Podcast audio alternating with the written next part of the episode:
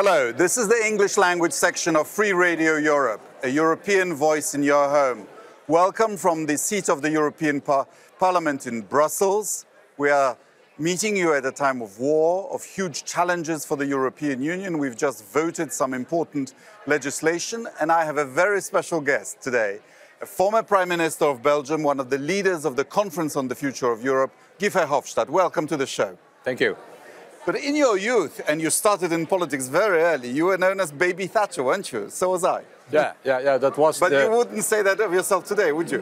No, no. That was because I was Minister of Budget, Right. and uh, so that was at a, at a moment where Belgium uh, got, I think, uh, the highest with Italy, the highest debt ratio Right. with Italy. so, living within your means was a good Yeah, and, Thatcherite and, and message. so I said, yeah, we need to reduce that. And, and, and we did it. We succeeded to go from this more than 136% uh, of GDP, uh, so the, the public debt, and we went down then later on to, uh, to nearly 80%. So that was a. you were fighting actually the uh, the 19 the, the, the legacy of the 1970s and the Yeah, yeah, stagflation, yeah, huh? yeah, yeah. And, it was and it was a, a disaster in Belgium because, like I said, together with uh, with Italy, we got the worst, uh, the highest uh, uh, uh, public debt uh, uh, in uh, expressed in GDP. So, um, and uh, that that was the reason why they gave me that But you name. were also a good anti-communist, yeah.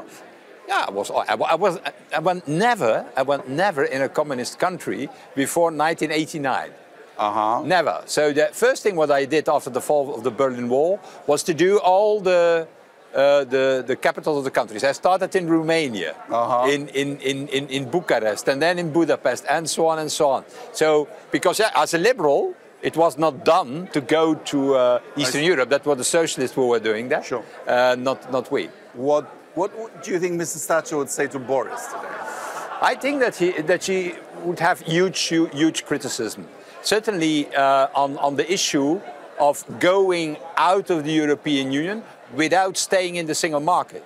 But she was an English exceptionalist, okay? Yeah, but she would have said, what is the interest of the British economy? The interest of the British economy is maybe to be, uh, certainly not to go out of the, of the single market. Because she said a few times that for her, the single market was the most, uh, the, most the, the biggest achievement uh, for, for Europe and, and, and for Britain. Because she said, look, uh, there is there uh, uh, one single market of more than 300 at that time, more than 300 million of customers at, at, at a few uh, at a few kilometers of, of, of, of, London and Britain. When I uh, talked to her after she uh, was prime minister, she advised us in Central Europe not to join the European Union, which I thought was uh, was not good advice. No, no, no, because she went inside the into the European Union. Uh, the only negative point, maybe that you can say about Thatcher, that uh, she was also uh, the leader, the European leader, who started to uh, ask for money back. yeah? So give my money back, and that created a, a, a, a huge number of problems, I think, in the European Union, because that was the basis then to finance the union based on national contributions instead of on own resources, and we are still. Uh, struggling with, uh, with, uh, and, uh, with that problem. You were for enlargement against the Iraq war. I was uh, for enlargement against the Iraq war. I think uh, the Iraq war, together with, uh, with Germany and, and, and, and, and France, we were very much against because, based on the information I got, you remember Blix, uh, the diplomat who was uh, the, the UN diplomat who was uh, uh, scrutinizing what was happening in Iraq. He told me twice uh, that there were no uh, uh, weapons of mass destruction uh, in Iraq, and it was a lie, in fact. And later on, yeah, I think that everybody can say that uh, we were right to oppose the war, and it created uh, a lot of problems. Still today, I think a lot of problems in the Middle East are coming from that, uh, uh, that mistake uh, to enter. Uh, American in intelligence has vindicated itself with their strategic warning Yeah. of Ukraine and of allies over Putin's uh, intentions, haven't they? Yeah. I, I- think that they do it in a completely different way than in the time of Iraq now when you see to Ukraine. Fair, they, they open the information, they give the information, they are transparent. And that helps, I think, um, Ukraine. And that helps also the public opinion in, in Europe and the whole world to see what is really happening. So I think that's a, a, huge step in the good direction. This uh, transparency by intelligence services of the West, uh, yeah, to, to open uh, the information that they give, so that everybody can see who is lying uh, and, and, and who is not. And who gets it right. Uh, and who gets it right. So it, ma it makes uh, it makes a huge difference. I think certainly towards the public opinions in, in, in, in the West. You are an unapologetic federalist. Is this just because Belgium is a federation, or is your message more uh, global? No, I think more global. I, I, I don't think uh, that the world of tomorrow will be uh, uh, the world as we see it today. It will be a, a, world, I think, of empires. I hope empires of the good and not of the bad.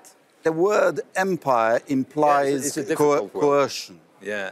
So it's not a good one. No, that's the reason why I'm saying an empire of the good and not of the bad. Right. but of, so, of blocks, yeah? Uh, blocks, that is what I mean. Uh, China is an empire, for sure, uh, based on, on, on the civilization of Han. Uh, India is, a, is also an empire. There are, there are 2,000 nations. And, and until recently, India had internal customs barriers. Huh? Exactly. And they have 20 languages and they have four big religions and so on and so on. So it's clearly that. Yeah the US is, is, a, is an empire, is a, is a big bloc, and, and, and then Russia wants to be one. And I think the only way to defend our interest of all citizens is yeah, uh, to, to uh, integrate in, in the right way and, and to uh, have the means and the instruments to, to really play a geopolitical role, including defense. So my, my main point is on defense today because I think it's the biggest waste of money. I didn't. I'd like to get back to defense. Yeah, yeah. But what do you say to nationalists, including in Poland, who say, "Oh, we joined, we were joining the, the yeah. Europe of uh, the patrie, the, of, uh, of, of the fatherland, yeah. and not uh, a federation"? Well, that they have. Uh, in, in, in, the world of today, that uh, nations individually have lost their sovereignty. Sovereignty is the possibility to decide on their own uh, fate, on their own direction, on their own future.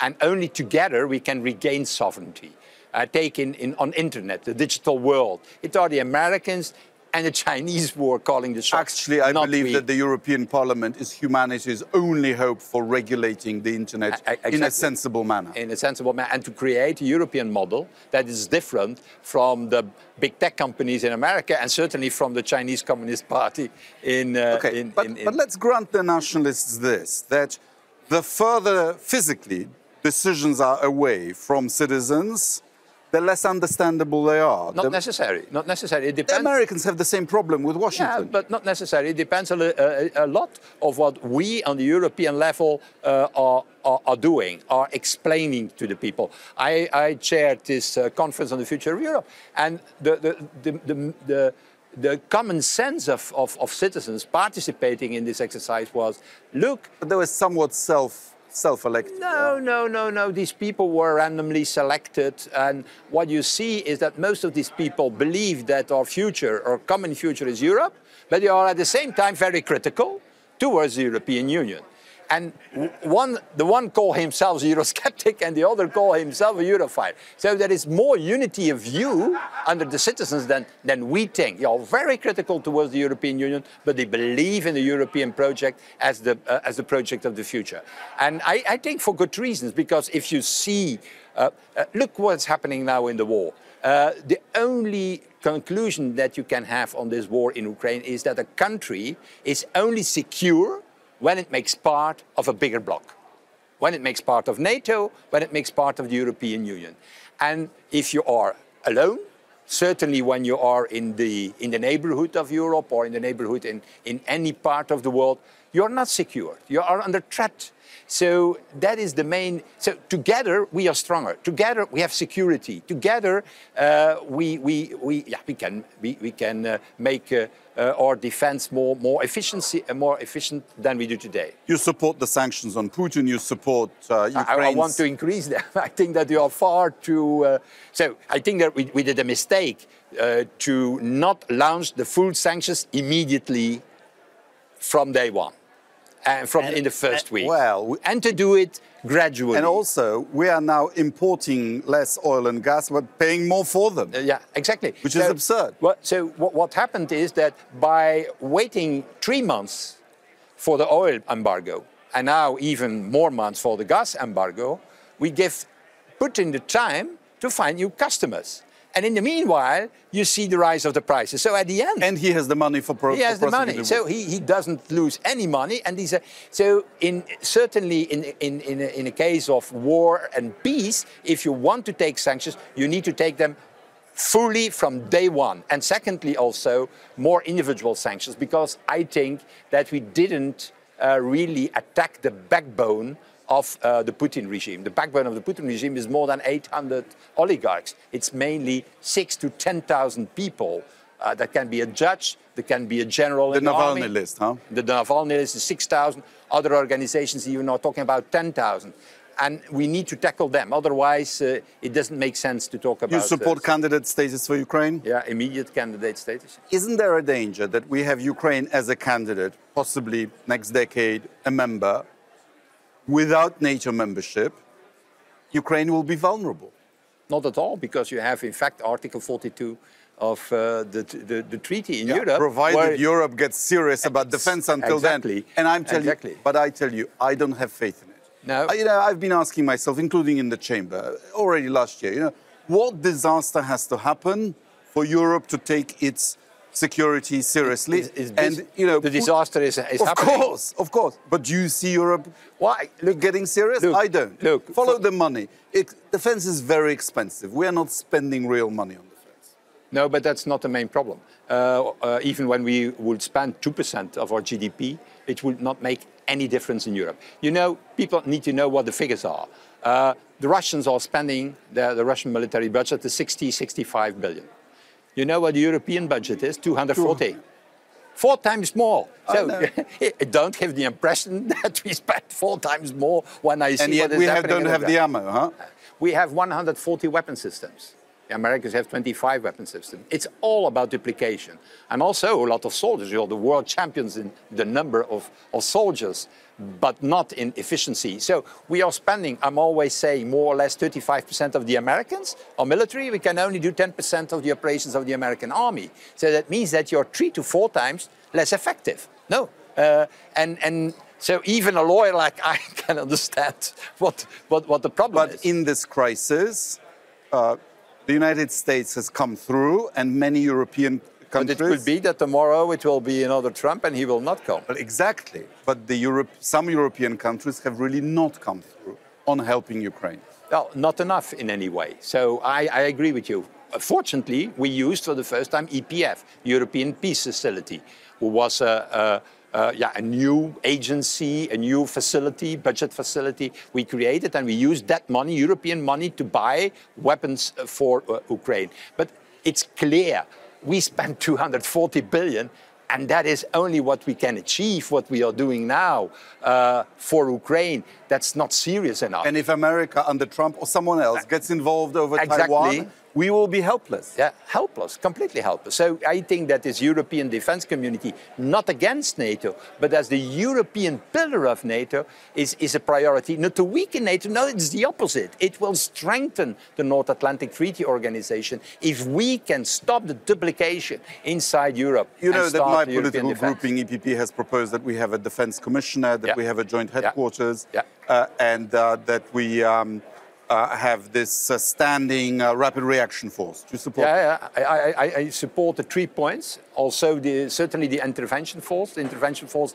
is now there's an agreement for 5,000 people. That's not bad, but let's be honest. A good beginning. It's a, it's It already- would be if it happens. Yeah. We Because promised 5,000 ourselves 40,000 after the Balkan. War. Yeah, I'm al- always comparing it with how many uh, American soldiers were needed to evacuate in Kabul. Only on the airport of Kabul, they needed 5,000 people. To tell you that 5,000 people doesn't mean anything. But okay, it's a, it's a start, it's a real start. Uh, while until now, the so called battle groups was only on paper and not the reality. But we need absolutely to do so, this defense community. Because, like, uh, like we said, it can be a day that we are totally alone and All we right. need to call the shots ourselves. But defense capabilities would be guided by political judgments, exactly. by foreign policy. We pledged ourselves in the Lisbon Treaty to conduct our foreign policy in common, but we don't. Give me the example of one important issue on which the member states allow the institutions to be in the lead. I, I agree with you, and, and, moreover, it's also. But it's uh, the most important countries yeah. that are freelancing. Yeah, exactly, and, and and moreover, there is this problem of unanimity who uh, kills every ah, uh, uh every policy. Over Ukraine, it turns out that uh, France and Germany are essentially doing their own policy on Russia-Ukraine. If we give them double majority voting, then they just take Malta and Luxembourg, and then they, then those two countries have an effective yeah, but veto. It's worse. How do you go around that? Well, uh, uh, because it's worse now.